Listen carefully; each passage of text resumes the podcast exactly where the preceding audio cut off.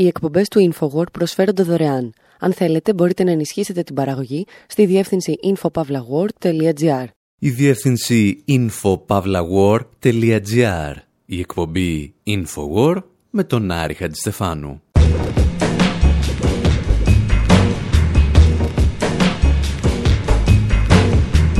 όπου σήμερα συζητάμε για μια ουτοπική κοινωνία η οποία υπήρξε για μερικές εβδομάδες πριν από 150 χρόνια και για μια άλλη η οποία θα υπάρξει τον 23ο αιώνα. Σκεφτόμαστε πώς θα ήταν να σιγομορμουρίζουμε τη διεθνή στους ήχους της Μασαλιώτιδας και καταλήγουμε ότι το γλιτώσαμε στο παραπέντε. Ακούμε τον μουσικό απόϊχο της Παρισινής Κομμούνας να εισέρχεται στα τραγούδια του σήμερα. Και ύστερα χαλαρώνουμε λίγο ιστορικά, αλλά όχι πολιτικά. Αναρωτιόμαστε εάν η τηλεοπτική σειρά Star Trek αποτελεί το πρότυπο μιας μαρξιστικής κοινωνίας στο πρότυπο της Παρισινής Κομμούνας. Και για να μην σας κρατάμε σε αγωνία, απαντάμε πως όχι. Αλλά ήταν ίσως ό,τι πλησιέστερο μπόρεσε να δημιουργήσει η Αμερικανική τηλεόραση.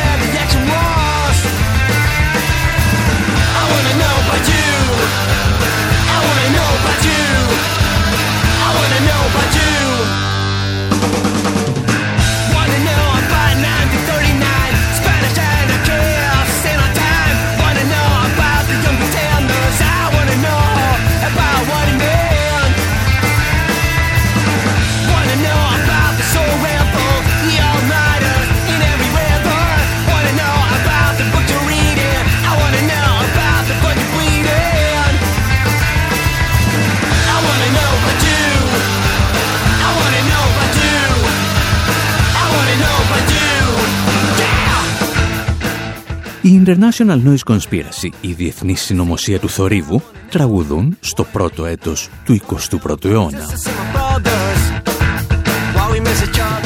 Εάν δεν τους θυμάστε, είναι εκείνα τα παλικάρια από τη Σουηδία που υποστήριζαν ότι ο καπιταλισμός τους έκλεψε την Παρθενία. Είναι επίσης το συγκρότημα που θεωρούσε ότι η μουσική του δεν έπρεπε να αποτελεί θέαμα. Μια ιδέα την οποία δανείζονταν από το βιβλίο «Η κοινωνία του θεάματος» του Γκίντε Μπορ.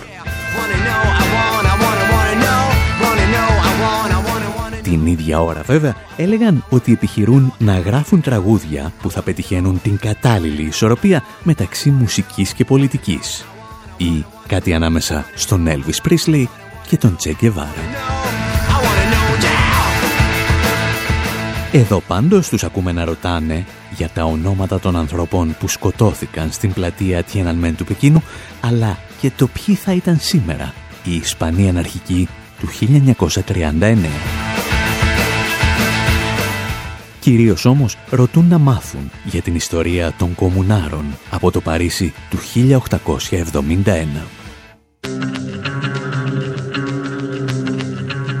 Η Παρισινή Κομμούνα είναι ίσως το γεγονός που η επίσημη ιστοριογραφία της δύσης επιχειρεί να θάψει περισσότερο από οτιδήποτε άλλο εδώ και 1,5 αιώνα.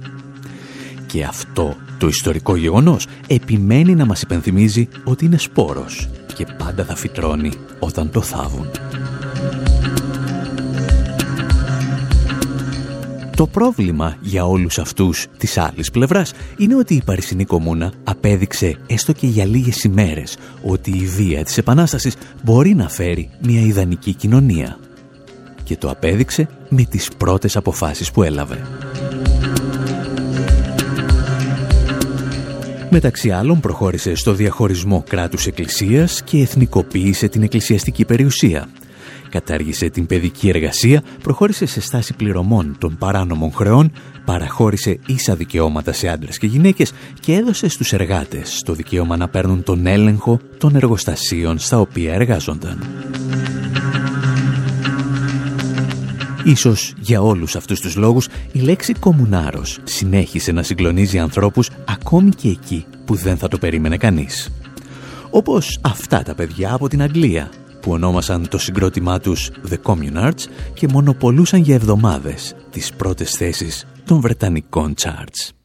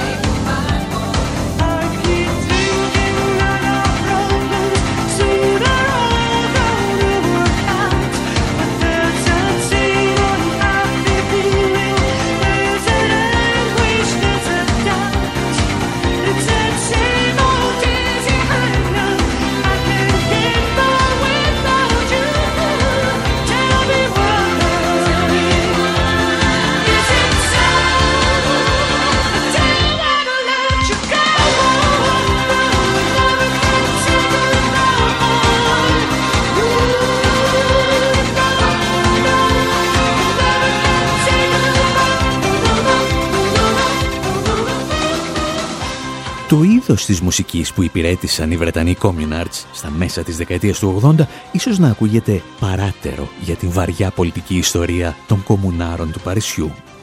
Υποπτευόμαστε όμως ότι θα τους άρεσε αυτή η μουσική, γιατί η Παρισινή Κομμούνα είχε σαν μουσική υπόκρουση τα λαϊκά τραγούδια της εποχής. Αρχικά μάλιστα κάποιοι κομμουνάροι λέγεται ότι στάθηκαν επικριτικά και ίσως επιθετικά απέναντι στην κλασική μουσική. Για αυτούς εξέφραζε την τάξη των καταπιεστών. Το οποίο έχει μία δόση αλήθειας, αλλά δεν είναι απολύτως σωστό. Λέγεται ότι οι κομμουνάροι προετοίμαζαν αρκετές συναυλίες και μάλιστα μια πολύ μεγάλη εκδήλωση με έργα κλασικής μουσικής που θα πραγματοποιούνταν στην Όπερα του Παρισιού στις 22 Μαΐου του 1871. Μια συναυλία που δεν πραγματοποιήθηκε ποτέ αφού ο στρατός εισήλθε στην πόλη μια ημέρα νωρίτερα και ξεκίνησε η σταδιακή σφαγή των κομμουνάρων. Ενώ όμως η Παρισινή Κομμούνα είχε ανάμεικτα συναισθήματα για την κλασική μουσική, κάποιοι κλασικοί συνθέτες ήταν πάντα στο πλευρό της.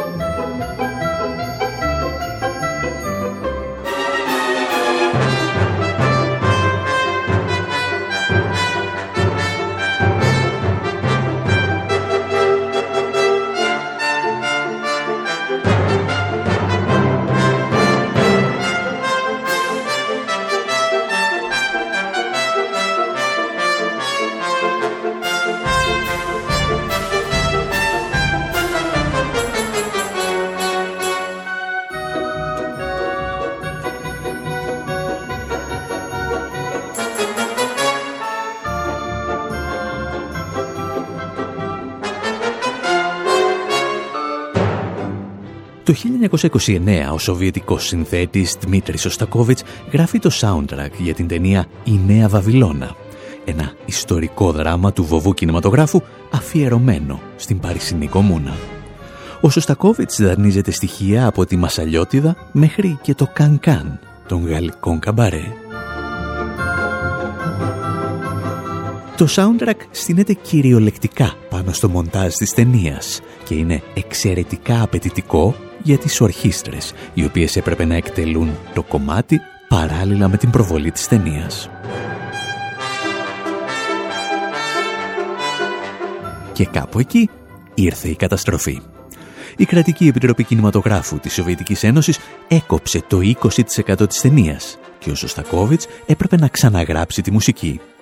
Το τελικό αποτέλεσμα ήταν πλέον τόσο δύσκολο, ώστε η ορχήστρα το έχασε κυριολεκτικά.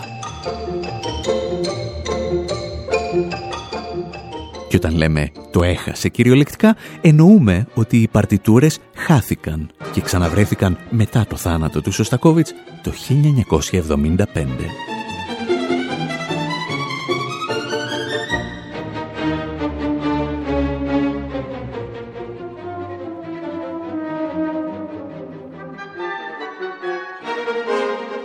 Για να επανέλθουμε όμως στις μουσικές ιστορίες της Παρισινής Κομμούνας, θα πρέπει να θυμίσουμε ότι το 1871 οι κομμουνάροι παίρνουν την περίφημη Μασαλιώτιδα και ξαναγράφουν τους στίχους της. Και αν το έκαναν σήμερα και όχι πριν από 150 χρόνια, ίσως να ακουγόταν κάπως έτσι. Français ne soyons plus esclaves, sous le drapeau rallions-nous, sous nos pas brisons les entraves, 89 réveillez-vous. Français, ne soyons plus esclaves sous le drapeau, rallions-nous, sous nos pas brisons les entraves, 89, réveillez-vous. Frappons du dernier anathème ceux qui par un stupide orgueil ont ouvert le sombre cercueil de nos frères morts sans emblème. Chantons la liberté, défendons la cité marchons, sans souverain, le peuple aura du pain. Το 2020 η Πολύν Φλωρή και ο Σεβερίν Βαλιέ διασκευάζουν τα τραγούδια της Παρισινής Κομμούνας σε ρυθμούς ελαφρώς πιο pop. Μεταξύ άλλων τραγουδούν την μασαλιώτιδα της Κομμούνας. Και στη συγκεκριμένη περίπτωση έχουμε την αίσθηση ότι την αδικούν και η πρωτότυπη εκδοχή τα πάει καλύτερα.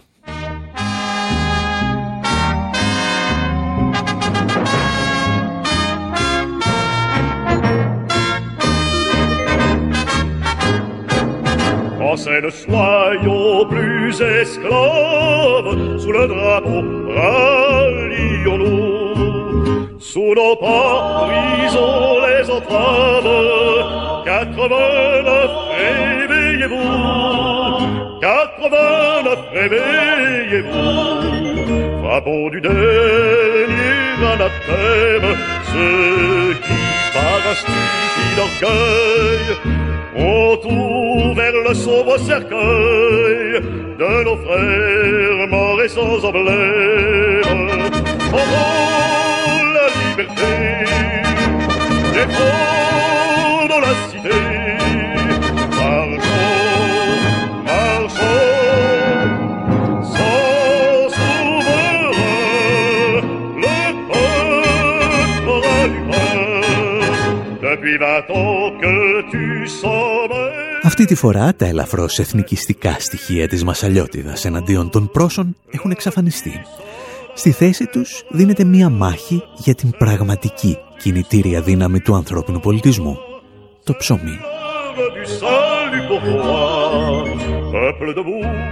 Γάλλοι, ξεκινούν οι στίχοι, σταματήστε να είστε σκλάβοι. Η επανάσταση του 1789 πρέπει να συνεχιστεί για να εξαλειφθούν τα τελευταία υπολείμματα του παλαιού καθεστώτος.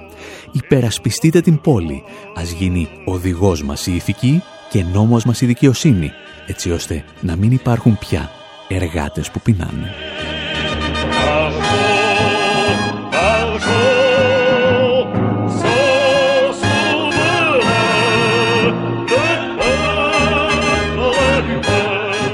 Μιλώντας γενικότερα πάντως, η μουσική της Μασαλιώτιδας φαίνεται να κούμπονε εκείνη την εποχή σε κάθε στιχουργικό δημιούργημα.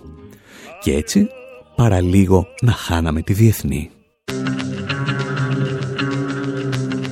Ο αναρχικός Ευγένιος Ποτιέ που συμμετείχε στην Παρισινή Κομμούνα θέλησε να γράψει ένα ποίημα για αυτήν και να το τραγουδά υπό τους ήχους της Μασαλιώτιδας. Και το αποτέλεσμα θα ακουγόταν ως εξής.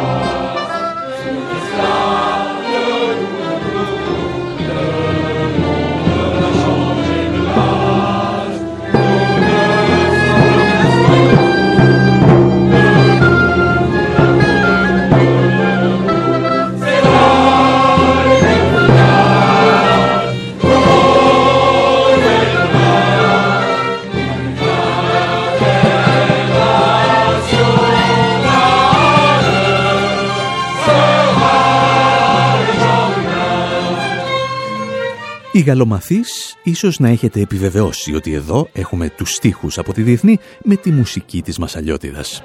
Το οποίο δεν είναι κακό, αλλά θα ήταν μία ακόμη εναλλαγή στίχων στο ίδιο μοτίβο. Ευτυχώς για εμάς, ο κομμουνιστής συνθέτης Pierre de έγραψε τη μουσική που όλοι γνωρίζουμε σήμερα για τη Διεθνή. Και ύστερα από περιπέτειες χρόνων με πνευματικά δικαιώματα, για τις οποίες περιπέτειες θα θέλαμε μια εκπομπή να τις εξηγήσουμε, αποκτήσαμε το κομμάτι που όλοι γνωρίζουμε.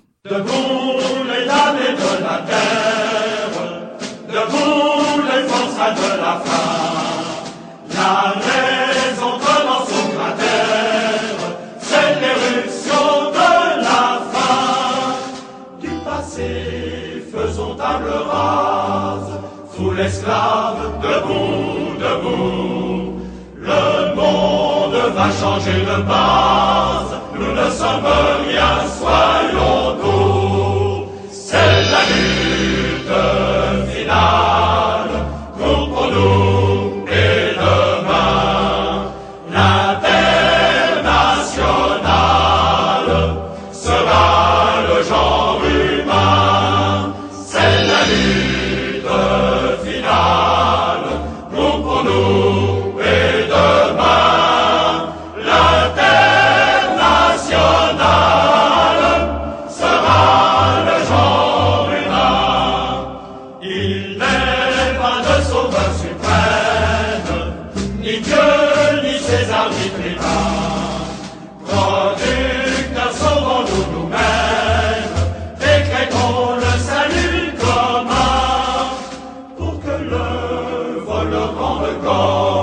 Η Παρισινή Κομμούνα λοιπόν, την οποία κάποιοι προσπαθούν να θάψουν στην ιστορική μνήμη εδώ και 150 χρόνια, άφησε πίσω της ίσως τον πιο πολυτραγουδισμένο ύμνο στην ιστορία της ανθρωπότητας.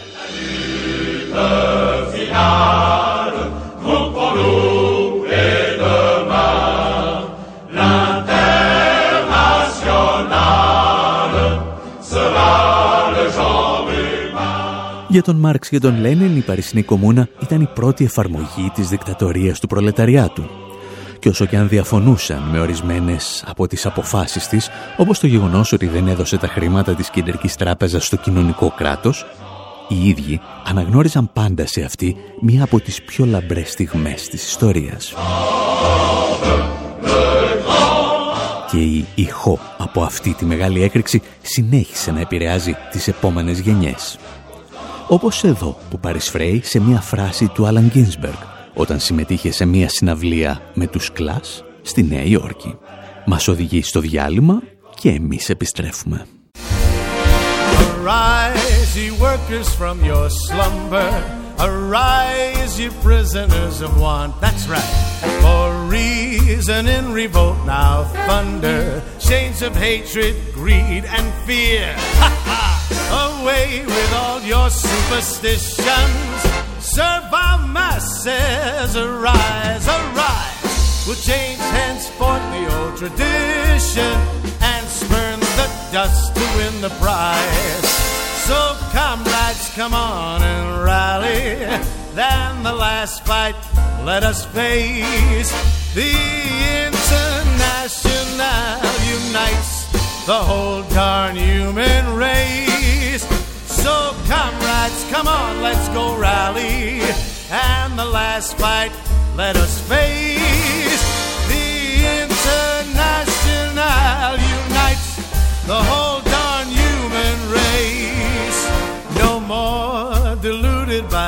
reaction. On tyrants only will make war.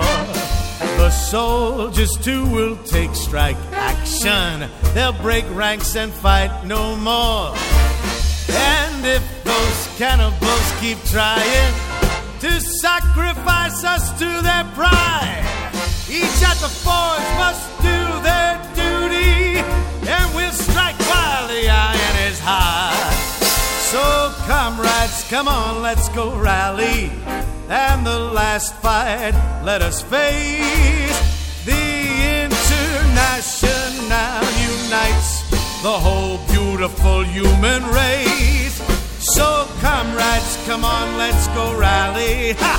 And the last fight, let us face.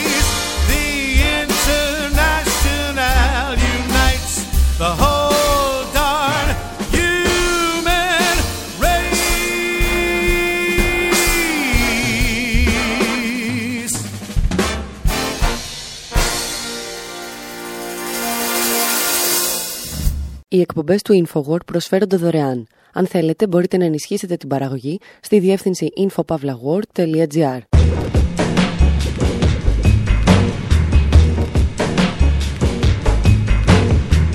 Η εκπομπή InfoWar με τον Άρη Χατζηστεφάνου. Όπου σήμερα ακούμε τραγούδια για το Star Trek και αναρωτιόμαστε εάν ο Captain Kirk και ο Spock ήταν κομμουνιστές. Παρακολουθούμε τον Mark Twain να αφήνει για λίγο την υπεράσπιση της Παρισινής Κομμούνας και να μπαίνει στο διαστημόπλιο Enterprise. Φανταζόμαστε μια κοινωνία χωρίς χρήματα, όπου η συσσόρευση κεφαλαίου δεν είναι πρωταρχικός στόχος της ανθρωπότητας και τη βρίσκουμε σε ένα διαστημόπλιο του 23ου αιώνα. Ζητάμε για όλα αυτά τη βοήθεια των Beastie Boys και ακούμε τραγούδια που αναγνωρίζετε, χωρίς ίσως να ξέρετε, ότι αναφέρονται στο Star Trek.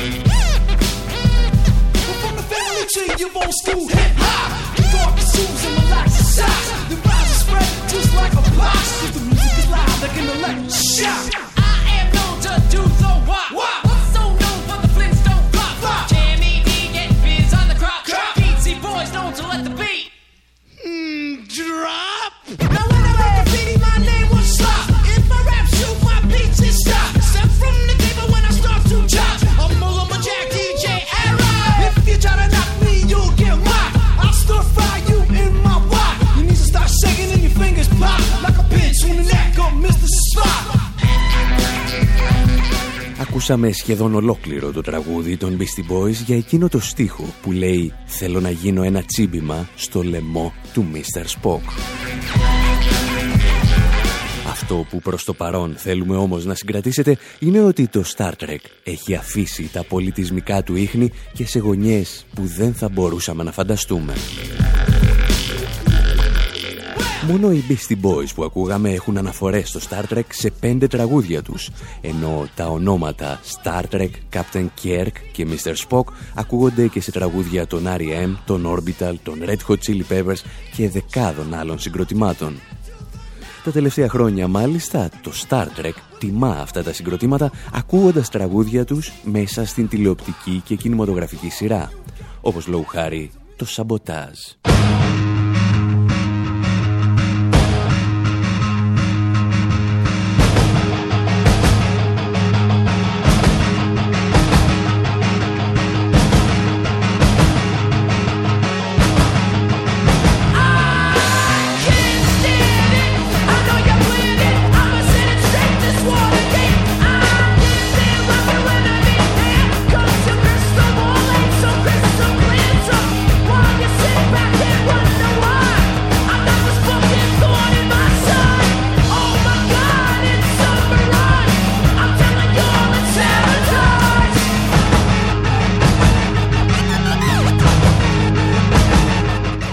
Γεγονός ότι μια σειρά μπορεί να εμπνέει και να εμπνέεται από τα μεγαλύτερα μουσικά συγκροτήματα των τελευταίων δεκαετιών είναι λογικό.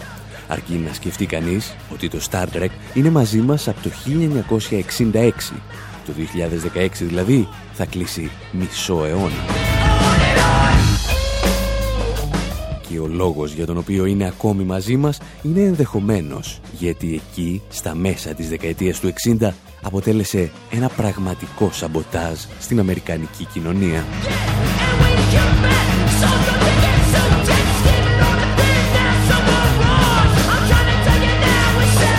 Το Star Trek θα γεννηθεί στα ταραγμένα χρόνια πριν από το Μάη του 68, αλλά μετά από το ξέσπασμα του κινήματος για τα δικαιώματα των μαύρων στις Ηνωμένες Πολιτείες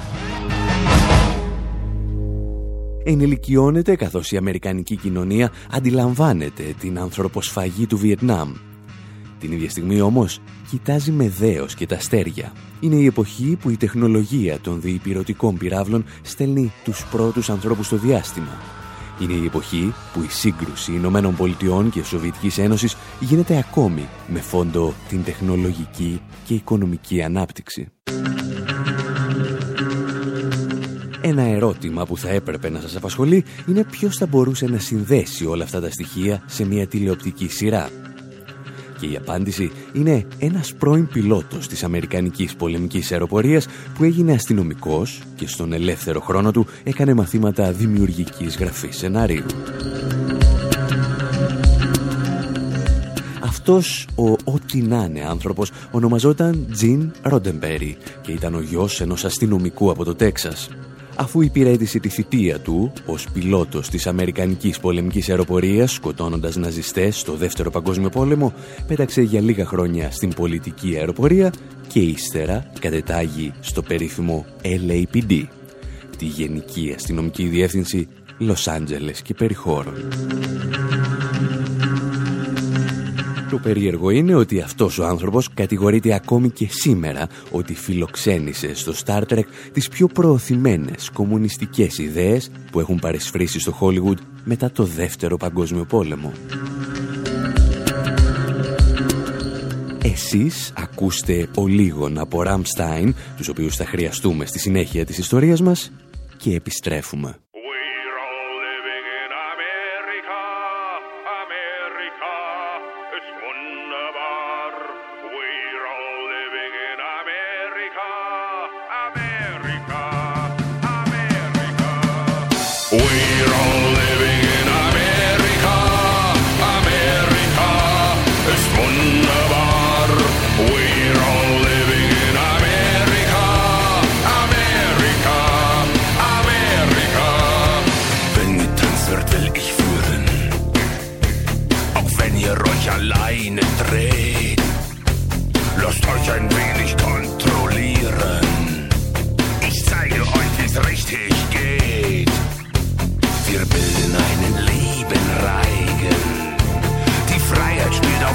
allen Geigen.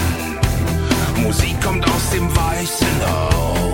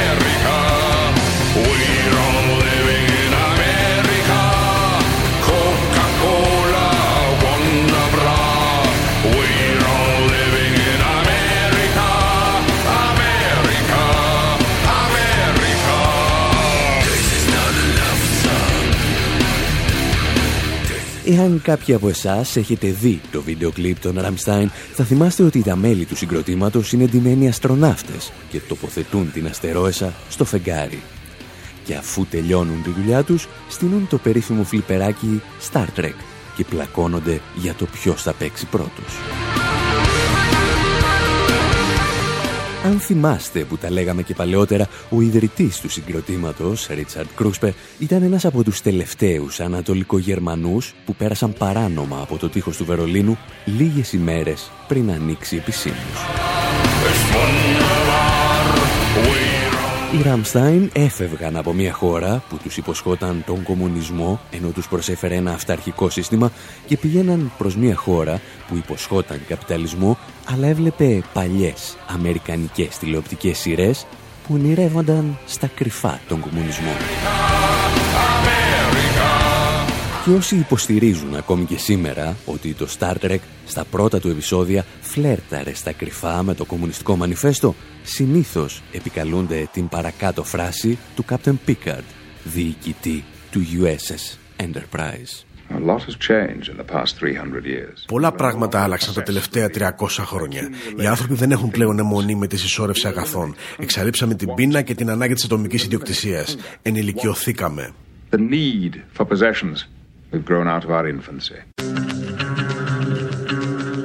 Αν πιστεύετε ότι πρόκειται απλώς για μια τυχαία φράση που του κατέβηκε στο μυαλό, περιμένετε να ακούσετε τι έλεγε για την οικονομία του 24ου αιώνα, στην οποία ζούσε και ο ίδιος.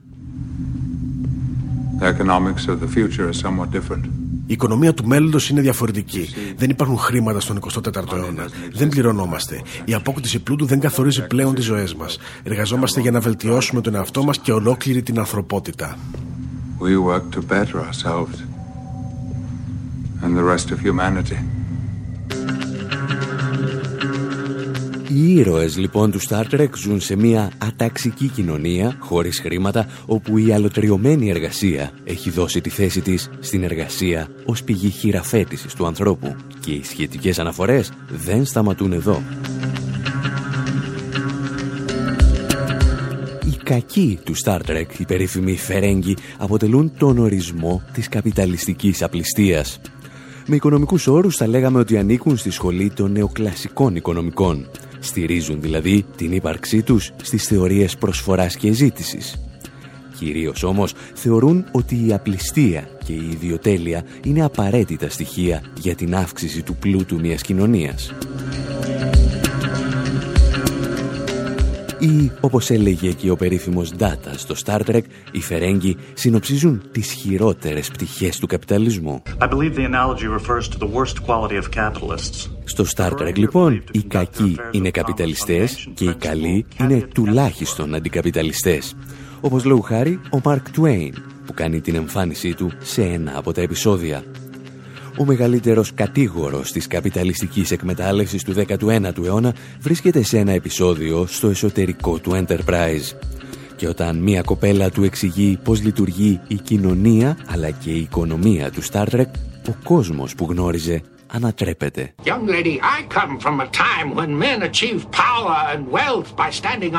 Έρχομαι από μια εποχή όπου οι άνθρωποι εξασφάλιζαν ισχύ και πλούτο πατώντας τις πλάτες των φτωχών. Οι υποκαταλήψεις και η αδιαλαξία ήταν ο κανόνας και η εξουσία αποτελούσε αυτό σκοπό. Και εσύ μου λες ότι όλα αυτά δεν ισχύουν πια. Αν είναι έτσι, ίσως και να αξίζει να κόψω το κάπνισμα. It's worth giving up cigars for, after all.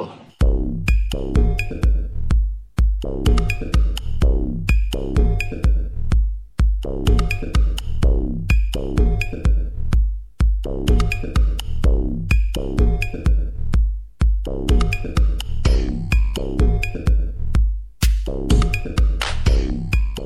τρέχει τελικά με το Star Trek; Παρουσιάζει μια μελλοντική κομμουνιστική κοινωνία σχεδόν όπως θα την οραματιζόταν ο Μάρξ και ο Έγγελς.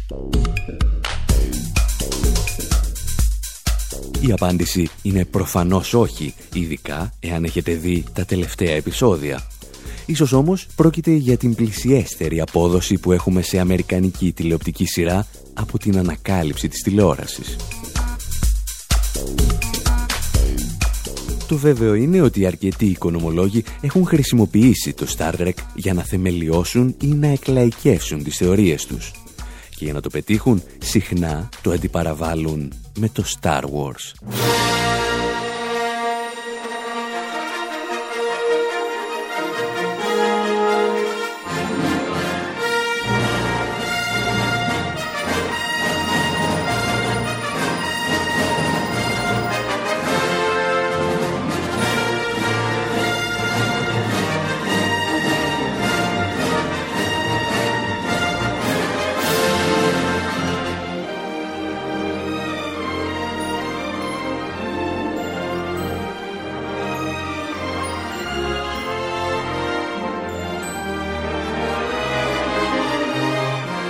Πριν από μερικά χρόνια η συντάκτρια των Financial Times, η Ζαμπέλα Καμίνσκα, επιχείρησε να αντιπαραβάλει την μετακαπιταλιστική κοινωνία του Star Trek με τη δυστοπική κοινωνία του Star Wars. Στην πρώτη περίπτωση έγραφε «Η τεχνολογική ανάπτυξη των τρισδιάστατων εκτυπωτών και της τεχνητής νοημοσύνης εξασφαλίζουν σταθερή επάρκεια υλικών και έτσι ακυρώνουν την ανάγκη ακόμη και του χρήματος». Το πλήρωμα του Enterprise δεν πληρώνεται για τις αποστολές του, αλλά ταξιδεύει για να καλύψει εσωτερικές ανάγκες των μελών του και να γνωρίσει την περιπέτεια. Αντίθετα, διαβάζαμε στους Financial Times, στο Star Wars, μπορεί το επίπεδο τεχνολογικής ανάπτυξης να είναι το ίδιο, αλλά ο μονοπωλιακός έλεγχος των πρώτων υλών δημιουργεί μια φρικτή κοινωνία ανισοτήτων και εγκληματικότητας. Εδώ κάθε τεχνολογική εξέλιξη εχμαλωτίζεται με πατέντες πνευματικής ιδιοκτησίας και γίνεται κτήμα μιας ελίτ, ενώ το χρήμα παραμένει κινητήρια δύναμη των πάντων.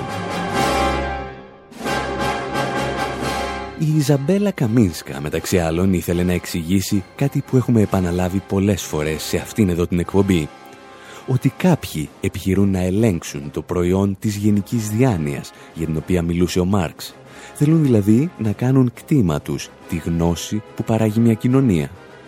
Για να το πετύχουν όμως αυτό πρέπει να σαμποτάρουν την ίδια την πρόοδο της ανθρωπότητας και την ανάπτυξη των παραγωγικών της δυνάμεων. Αυτό δηλαδή που ορισμένοι αποκαλούν καπιταλισμό στα τελευταία στάδια πριν από το θάνατο.